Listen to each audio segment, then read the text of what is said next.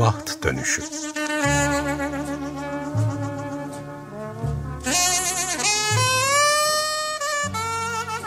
Kısa öykü okumaları ve büyüme biçimleri Hazırlayan ve sunan Ayşe Görür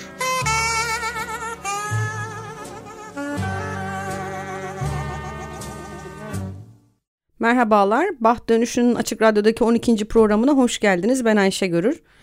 Baht Dönüşü'nü hem programın kendi Instagram ve Twitter hesaplarından @bahtdönüşü hem de Açık Radyo'nun web sitesinden takip edebilirsiniz. Kaçırdığınız programları da yine Baht Dönüşü Spotify ya da Açık Radyo podcast sayfalarından dinleme imkanına sahipsiniz. Bugün edebiyatta yitik kuşağın yerine diğer adıyla kayıp kuşak veya kayıp nesil ve Hemingway'in hayatını bu kuşakla bağı açısından inceleyeceğiz. Ama o konuya girmeden önce baht dönüşünü bir hatırlayalım. Bugünkü konu açısından ne demek istiyorum? Yani baht dönüşü antik Yunan adıyla peripeteia. Klasik dönemden antik Yunan'da kralların, soyluların ve kahramanların başına gelen kadersel olaylardan sonra artık geri dönülemeyecek bir düşüşe geçmeleri olarak tanımlanıyor. Bu konuyu ilk iki programda işlemiştik. Detaylar için programın ilk iki podcastini dinleyebilirsiniz. Neden bu konuya girdim tekrar? Çünkü artık yavaş yavaş günümüzde yani modern çağda baht dönüşünün ne anlama geldiğini inceleyeceğiz. Önceki programı Hemingway'in Aydınlık ve Temiz Bir Yerde bu adlı öyküde üzerinde durduğu her şeyin hiçliğini anlamak bakımından e, yine kendisine ait bir cümleyle kapamıştık. Onu bir tekrar edelim. Geçmişte insanın ülkesi için ölmesinin onurlu bir durum olduğunu herkes bilirdi. Modern savaşlarda ise böyle bir şey söz konusu değil. Bir hiç uğruna köpekler gibi öleceksiniz. Böyle kapamıştık. Bugün de böyle başlamış olalım. O zaman yitik kuşağa geçebiliriz. Ne demek bir hiç uğruna köpek gibi ölmek? 1918'de savaş sona erdiğinde 40 milyon insan öldü ya da yaralandı. Ateşkes nihayet imzalandığında Avrupa'nın her yerinde genç erkekler evlerine dönmek üzere yola çıktı. Ancak savaşın ilk günlerinde sahip olunan o anlamsız iyimserlik sonsuza dek yok olmuştu. Avrupa'nın her başkentinde hükümetler ve gazeteler halkı kral ve kraliçeye veya ulusa veya çarlarına ya da imparatorlarına sadakat göstermeye çağırarak savaşa destek vermeye çalışıyordu. Ancak bazı Avrupa uluslarından insanları diğer Avrupa uluslarından insanları öldürmek için bir araya getiren o anlamsız iyimserlik kısa süre sonra endüstriyel savaşın gerçekleriyle çarpıştı. Hayal kırıklığı bir şeyin düşündüğünüz kadar iyi olmadığı ortaya çıktığında yaşanan hayal kırıklığı hissi baş gösterdi. Özellikle her gün siper savaşının ve zehirli gazın dehşetiyle karşılaşan askerler hayal kırıklığına uğradı. Birinci Dünya Savaşı'nda travma yaşayanlar sadece erkekler değildi. 40 milyon kaybın neredeyse yarısı sivildi. Bu yüzden savaşa topyekün savaş deniyordu. Ölçeği ve yıkıcı gücü bakımından eşi benzeri görülmemiş bir savaştı. Toplumlar savaştan sonra toparlanmaya çalışırken siviller ve askerler etraflarına baktılar. Ülkelerinin yıkımına ve bir zamanlar savaşta ölen arkadaşlarına ve ailelerine. Özellikle bir grup yazar e, Birinci Dünya Savaşı sırasında yetişenlerin hayal kırıklığını dile getirdi. Bunların arasında Paris'te yaşayan birkaç Amerikalı yazar da vardı. Şair ve romancı Gertrude Stein geçen hafta bahsettiğimiz üzere onlara kayıp ya da yitik kuşak adını verdi. Ernest Hemingway The Sun Also Rises, Güneş de Doğar adlı eserinde Stein'ın şu sözlerini aktarır. Savaşta görev alan siz gençler siz kayıp bir kuşaksınız. Hiçbir şeye saygınız yok. Ölene kadar içiyorsunuz. Kayıp nesil çift anlamlı kullanılıyor tabi burada. Özellikle savaştan sonra hayal kırıklığına uğrayan yazar ve sanatçı kuşağına atıfta bulunurken daha geniş anlamda savaş sonrası kuşağa da atıfta bulunuyor. Bu kuşak çocukluklarında öğrendikleri kültürel ya da ahlaki dersleri artık yetersiz buluyor. Modern dünyada kayboluyorlar. Avrupa kültürü aydınlanmanın rasyonellik ve ilerleme fikri yerle bir olmaya başlıyor. Savaştan sonra yazarlar ve sanatçılar böyle bir çatışmaya izin veren bir dünyayı sorgulayan yeni ifade biçimlerine yöneliyorlar. Hayatın pek çok alanında insanlar önceki nesillerin kabul edilmiş bilgeliğine meydan okumaya başlıyor. Bu arada yeni sanat ve mimari tarzları insanların Temmuz 1914'ten önce bağlı olduğu her şeyi, akıl ve bütünlük kavramlarını reddediyorlar. Bunun yerine ironiyi ve dünyanın genel mantıksızlığını benimsiyorlar. Yani örneğin e, en bilinen dadaizm bu süreçte ortaya çıkıyor. Birçok Amerikalı ve Avrupalıyı savaşa katılmaya motive eden milliyetçi coşku, savaşın amaç ve hedeflerinin uzak ve belirsiz göründüğü çamurlu siperlerde dağılıyor. Silahlanmadaki teknolojik gelişmeler, Birinci Dünya Savaşı'nı insanlık tarihinin en ölümcül çatışması haline getiriyor ve tüm taraflar milyonlarca kayıp veriyor. Savaşın doğası Batı'nın kendine yönelik medeni algısını sorgulatıyor. Özellikle yitik kuşak Birinci Dünya Savaşı ve caz çağı Dos Pasos'un Ragtime adlı kitabına göz atarsanız caz e, dönemi diye çevrilmişti. E, orada detaylıca görürsünüz. Yani caz çağı diğer adıyla kükreyen 20'ler Roaring Twenties sırasında yetişen yazar, sanatçı, müzisyen ve entelektüel kuşağı ifade ediyor. Kükreyen 20'ler Batı toplumunda müzik, e, moda ve kültürde 1920'lerin 10 yılını ifade ediyor. Bu ekonomik refah dönemi yani ekonomik refah derken Berlin, Buenos Aires, Chicago, Londra, Los Angeles, e, Los Angeles, Meksiko, New York, Paris, e, Sydney gibi büyük şehirlerde öne çıkıyor. Ne demek istiyoruz bu refah dönemiyle kastımız? Birazdan anlatacağım. Fransa'da 10 yıl dönemin yani o 20 ile 30 arası sosyal, sanatsal ve kültürel dinamizmini vurgulamak için Anne Fol yani e, çılgın yıllar olarak anılıyor. Bu süre zarfında caz müziği ve dans popüler hale geliyor. Moda kadınlar için e, yeni bir görünümün ortaya çıkışına tanık oluyor. Flapper denen o 20'lerin kıyafetlerini, e, başlara takılan süslü taçları vesaireleri bilirsiniz filmlerden, dergilerden. Ve Art Deco zirveye ulaşıyor. Kükreyen 20'ler geleneklerden bir kopuşa ve modernlikle ilgili genel bir yenilik hissine tanık oluyor. Otomobiller, hareketli resimler, radyo gibi teknolojiler nüfusun büyük bir kısmına bir tür modernlik getiriyor. Aynı zamanda günlük yaşamda ve mimaride pratiklik resmi gösterişlere tercih edilmeye başlanıyor. Bu dönem caz çağı olarak tekrar ediyorum biliniyor. Bu dönemi yine bir yitik kuşak yazarı olarak Fitzgerald'ın e, yiten 10 yılını haftaya daha doğrusu iki hafta sonra okurken bir sonraki programda ele alacağız. Yitik kuşak tarihçesine dönersek savaşın yarattığı eşi benzeri görülmemiş katliam ve yıkım bu kuşağın demokrasi, barış ve refahla ilgili yanılsamalarını ortadan kaldırıyor ve birçoğu sanatsal çabalarında şüphe ve sinizmi daha çok dile getiriyor. 1926'da biraz önce de bahsettiğim Hemingway'in benim ismini çok sevdiğim The Sun Also Rises Güneş de doğar ile büyük bir başarı kazanıyor Hemingway. Tanınmaya başlıyor artık ve bu kitabında e, meşhur ederken küçümsediği bir deyim olan savaş sonrası kayıp kuşak üyelerini ele alıyor. Bu bağlamda kayıp savaş sonrası erken dönemde savaştan sağ kurtulanların çoğunun kafası karışmış, başıboş dolaşan amaçsız ruhuna atıfta bulunuyor. Terim ayrıca özellikle 20'lerde daha önce de bahsettiğim e, Paris'te yaşayan bir grup Amerikalı tabiri yerindeyse gurbetçi yazara atıfta bulunmak için de kullanılıyor. İşte demin yine tekrar ediyorum Gertrude Stein'ın e, Stein'in e, onun ortaya çıkardığı bir terim ama daha sonra Hemingway tarafından e, bu kitapla onun epigrafında kullanıyor Hemingway ve meşhur oluyor. Epigrafında kullandığı cümlede hepiniz kayıp bir nesilsiniz. Woody Allen'ın Midnight in Paris'ini izlerseniz bu ortamın havasını koklama imkanına sahip çıkar, sahip olabilirsiniz o imkana. Ee, Hemingway, Fitzgerald, Ezra Pound bunların hepsini göreceksiniz filmde. Yani bu kayıp kuşak yazarlarına bakarsak tekrar etmek gerekirse Fitzgerald, Gertrude, Stein, T.S. Eliot, Ezra Pound, e, Ernest Hemingway, John Dos Passos ve John Steinbeck.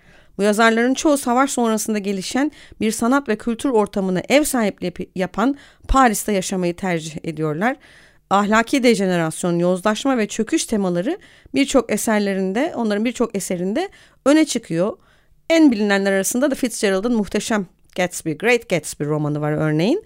E, filmi izlemedim. Fragmanı bana fazla şekerli bonbon geldi. DiCaprio'nun o e, sıvırtan yüzünü hiç oturtamadım kafamda. Bir de Robert Redford'un oynadığı versiyon var. Onu da izlemedim maalesef ama mutlaka daha iyidir gibi bir ön yargım var.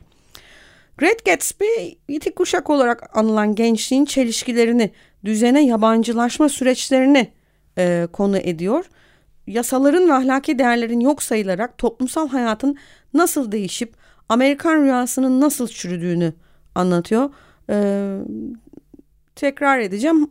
İki sonraki programda Yiten 10 yılı Lost Ten Decades Fitzgerald'dan okurken derinlemesine inceleyeceğiz bu yozlaşma e, yasaların ve ahlaki değerlerin yok sayıldığı toplam toplumsal hayatın çöktüğü Amerikan rüyasının nasıl e, çürüdüğünü anlatan e, yozlaşma dönemini. Bir de Dos Passos'un Ragtime yani jazz dönemi e, nefis bir roman. Bu dönemi anlatım bakımından da vazgeçilmez. E, ona da göz atabilirsiniz. Özellikle de jazz seviyorsanız. Toparlarsak Yitik kuşağı Birinci Dünya Savaşı sırasında yetişen ve 20'lerde caz çağı denen bir dönemde ilk yapıtlarını üreten bu yazarların yitik olarak adlandırılmasının nedeni kendilerine miras kalan değerlerin savaş sonrasında geçersizleşmesidir. Hemingway'in 1933'te kaleme aldığı bizim de bir önceki ve iki önceki programda incelediğimiz temiz ve aydınlık bir yerde sık sık bahsettiği nada hiçbir şey e, üzerinde vurguladığı gibi. Nada y pues, nada y pues, nada y pues, nada y pues. Hiçbir şey sonra hiçbir şey, hiçbir şey, hiçbir şey. Hemingway'in 1961'deki intiharından önceki son sözlerinin de bu olduğu yani nada y pues, nada y pues, nada y pues dedikten sonra intihar ettiği veya eş zamanlı intihar ettiği de söyleniyor.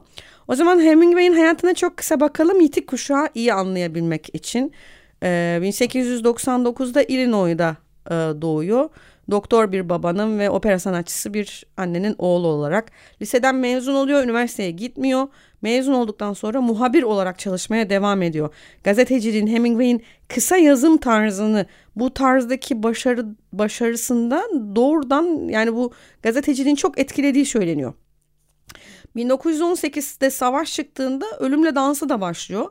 Gözleri iyi görmediği için Amerikan ordusuna asker olarak alınmıyor. O da ambulans şoförü olarak İtalya'ya gidiyor. Yani illa gidecek savaşı yakından görmek istiyor. Ee, Milano'da bir hastaneye yatılıyor, yatırılıyor. Orada iyileşmeye çalıştığı süreç içinde bir hemşireye aşık oluyor. Evlilik teklifi reddediliyor. Bu süreç daha sonra silahlara vedaya ilham kaynağı oluyor. 1920'de Toronto Star'da yine mu muhabir olarak çalışmaya başlıyor. Amerika'ya dönmüş oluyor ama Amerika eski Amerika değil onun için değişmiş olan o toplum Hemingway'i yoruyor, bıktırıyor, ülkesinden kaçırıyor. Ee, Elizabeth Rich Elizabeth Hadley Richardson ile evleniyor o süreçte ve kısa bir süre sonra onunla Paris'e taşınıyor biraz önce bahsettiğim e, ilk oğlu doğuyor bu arada pardon 1923'te ve işte 1925'te Paris'teki o yitik kuşak yazarlarıyla tanışma süreci başlıyor. Fitzgerald ile tanışıyor. Ezra Pound'la Picasso ile arkadaşlık ediyor. Joyce'la da arkadaşlık ediyor bu arada. Ve Paris'te hatırı sayılır bir edebiyat çevresi edinmiş oluyor. Ee, Fitzgerald, Gertrude, Ezra Pound gibi diğer e, bahsettiğimiz yazarlar onu gazetecilik dışında yazması için de çok teşvik ediyorlar. 1926'da biraz önce bahsettiğimiz Güneşle Doğar yayınlanıyor. 1927'de Hadley'den boşanıp e, Pauline Pfeiffer ile evleniyor. Kadınsız Erkekler adında kısa öykülerden oluşan diğer kitabı yayınlanıyor. İkinci oğlu dünyaya geliyor 1928'de fakat babası intihar ediyor. 1929'da Farewell to Arms Silahlara Veda yayımlanıyor. Yazarlık kariyerindeki en büyük adımı oluyor. Öykülerinin başarısını geride bıraktığı iddia ediliyor. Ben katılmıyorum. Popülaritesi, popülarite kazanma süreci açısından evet ama kısa öykülerinin çok daha başarılı olduğunu düşünüyorum romanlarına göre. Burada Silahlara Veda'da gönüllü olarak katıldığı savaşın acılarını anlatıyor.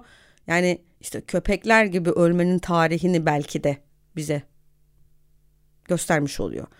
1931'de üçüncü oğlu doğuyor. 32'de Death in Afternoon, Öğleden Sonra Ölüm adlı kitabı yayınlanıyor. Bu aynı zamanda bir kokteyl adı şampanya ve absinthe ile yapıldığı için e, öğleden sonra ölüm gibi bir e, isim koymuşlar bu şeye kokteyle ve Hemingway şampanyası da deniyormuş. Belki bir gün denk gelirseniz denersiniz ya da yapabilirsiniz. Ee, iyi bir fikir mi bilmiyorum öğleden sonra ölmek için tabii ama 1933'te ee, Winner Take Nothing kazanana ödül yok yayınlanıyor. Hemingway ve ailesi aynı yıl Afrika'ya safari turuna gidiyorlar. Avlanırken yanlışlıkla kendi bacağına ateş ediyor. Çok ilginç bir yazar Hemingway.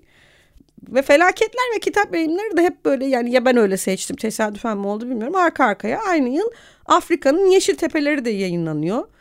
1937'de tabii ki geri kalır mı İspanya Savaşı'nda muhabirlik yapmaya başlıyor. Ve yine hep dediğim gibi evlilikleri, romanları ve bir savaşa veya ölümle dans eden bir aktiviteye katılması sırasıyla gerçekleşiyor. Pauline Pfeiffer'dan boşanıp Martha Gellhorn'la evleniyor. Onunla bugün müze olan La Finca Viggia. Umarım doğru söylemişimdir. Küba'da Havana'da bir ev alıyor bu isimle alınan. 20 yıldan fazla orada eşi 9 hizmetçisi, evin 9 hizmetçisi, 52 kedi, 16 köpek, 200 güvercin ve 3 inekle geçirmiş olduğu söyleniyor. 21 yıl yaşadığı bu evi halka açık bir merkez haline getiriyor. Hayvanlarla arasının insanlarla olduğundan daha iyi olduğunu, hatta bir dönem Montana'da bir ayı ile yaşayıp dostça geçindiğini bile söylüyor. 1940'da For Whom the Bell Tolls, Çanlar Kimin için yayınlanıyor. Romanın yayımlanmasının ardından Japonların Çin'i işgalini izlemeye gidiyor. Muhabirlik sebebiyle. 1944'te trafik kazasında beyin sarsıntısı geçiriyor ve kafatasında birçok hasar oluşuyor. 1944'te Cenevre Sözleşmesi'ne aykırı olduğu halde savaş içinde aktif roller üstlenmiş, silah kuşanıp çatışmalara girmiş ve bu nedenle askeri mahkemede yargılanmış ama aynı zamanda da bu faydalı faaliyetleri içinde Bronze Star Medal ile ödüllendiriliyor. Tabii ki hemen eşinden ayrılıyor ve Londra'da yazar Mary Welsh ile tanışıyor. Ee, eserlerinde savaşın ayrıntılarını başarılı bir şekilde anlatması yine bu muhabir olmasına bağlı olduğunu söylemiştik. 1952'de The Old Man and the Sea İhtiyar Balıkçı ve Deniz yayınlanıyor. 1953'te Pulitzer, 1954'te Nobel ödülü alıyor. Ama 1954'te uf, Afrika'da uçak kazasını geçiriyor. Sağ kalmayı beceriyorlar ailecek. 1959'da boğa güreşleri savaşlar bitiyor ama boğa güreşleri var bu sefer de. Yazabilmek için İspanya'ya gidiyor. Orada bir ev alıyor. Ee, yine aynı konu sanki hayatını ölümü canlı ele geçirmeye adamış avcılık sevdası da korkarım. Ölüm yani bir çeşit ölüm röntgenciliğine varan patetik diye tanımlayacağımız bir tutkur neredeyse yani dediğim gibi savaşın yerini boğa güreşi almış gibi gözüküyor. Ve 1961'de 2 Temmuz'da intihar ediyor. Zaten böyle bir hayat hikayesinde pek başka türlüsü de mümkün değil gibi. Hayatından ilginç kesitler bu bir de biraz dedikodu boyutunda belki ama hem Sovyetler Birliği'ne hem de ABD'ye ajanlık yaptığı söyleniyor. Annesiyle babasıyla ilginç bir ilişkisi, ilginç değil de tatsız ilişkileri var. Ona yazarlara yönelik en iyi ön hazırlık eğitim nedir diye sorulduğunda mutsuz bir çocukluk diye cevap veriyor. Annesi ve babasına dair yani çocukluğunda kız çocuğu kız elbiseleri giydirildiği için saçlarını uzatmaya mecbur bırakıldığı için vesaire ileriki dönemde yani erkekliğini çok fazla kanıtlama ihtiyacı duyduğu söylenenler arasında.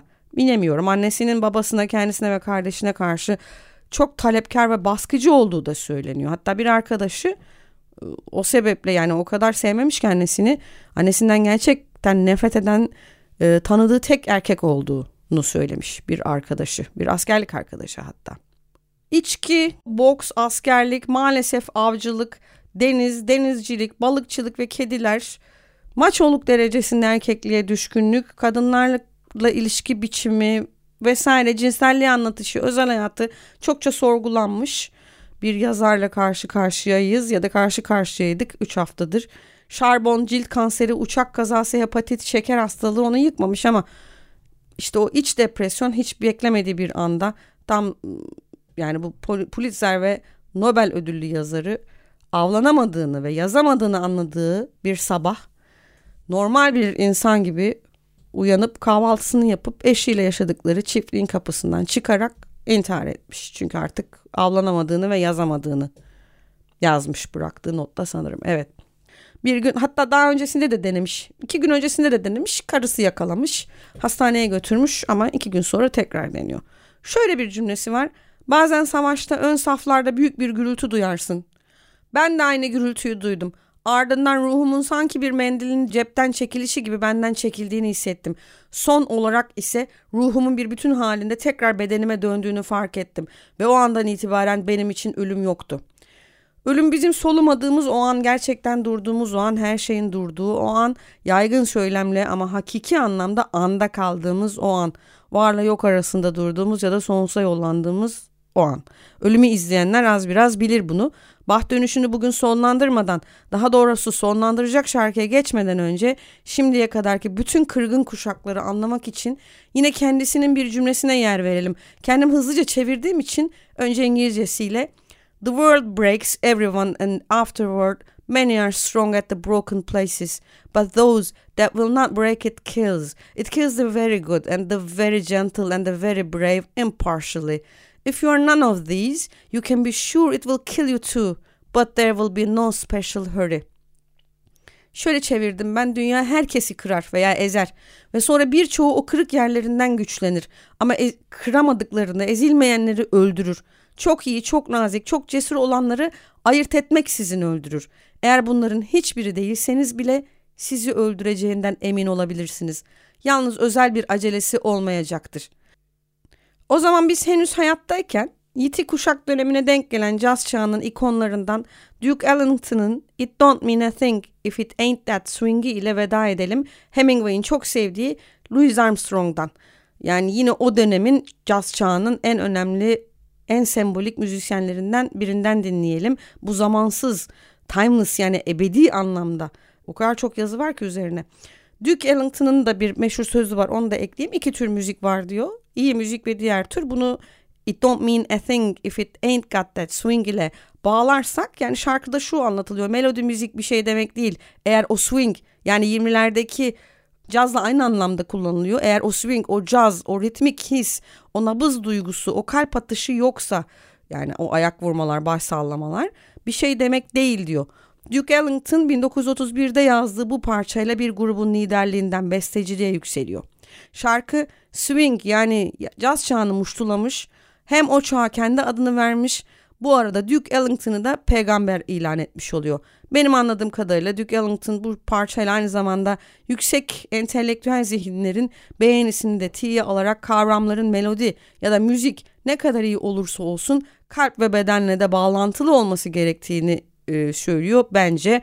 O zaman iki hafta sonra görüşmek üzere. Louis Armstrong'dan It Don't Mean a Thing If It Ain't Got That Swing'i dinliyoruz. Bahtınız ve radyonuz açık olsun.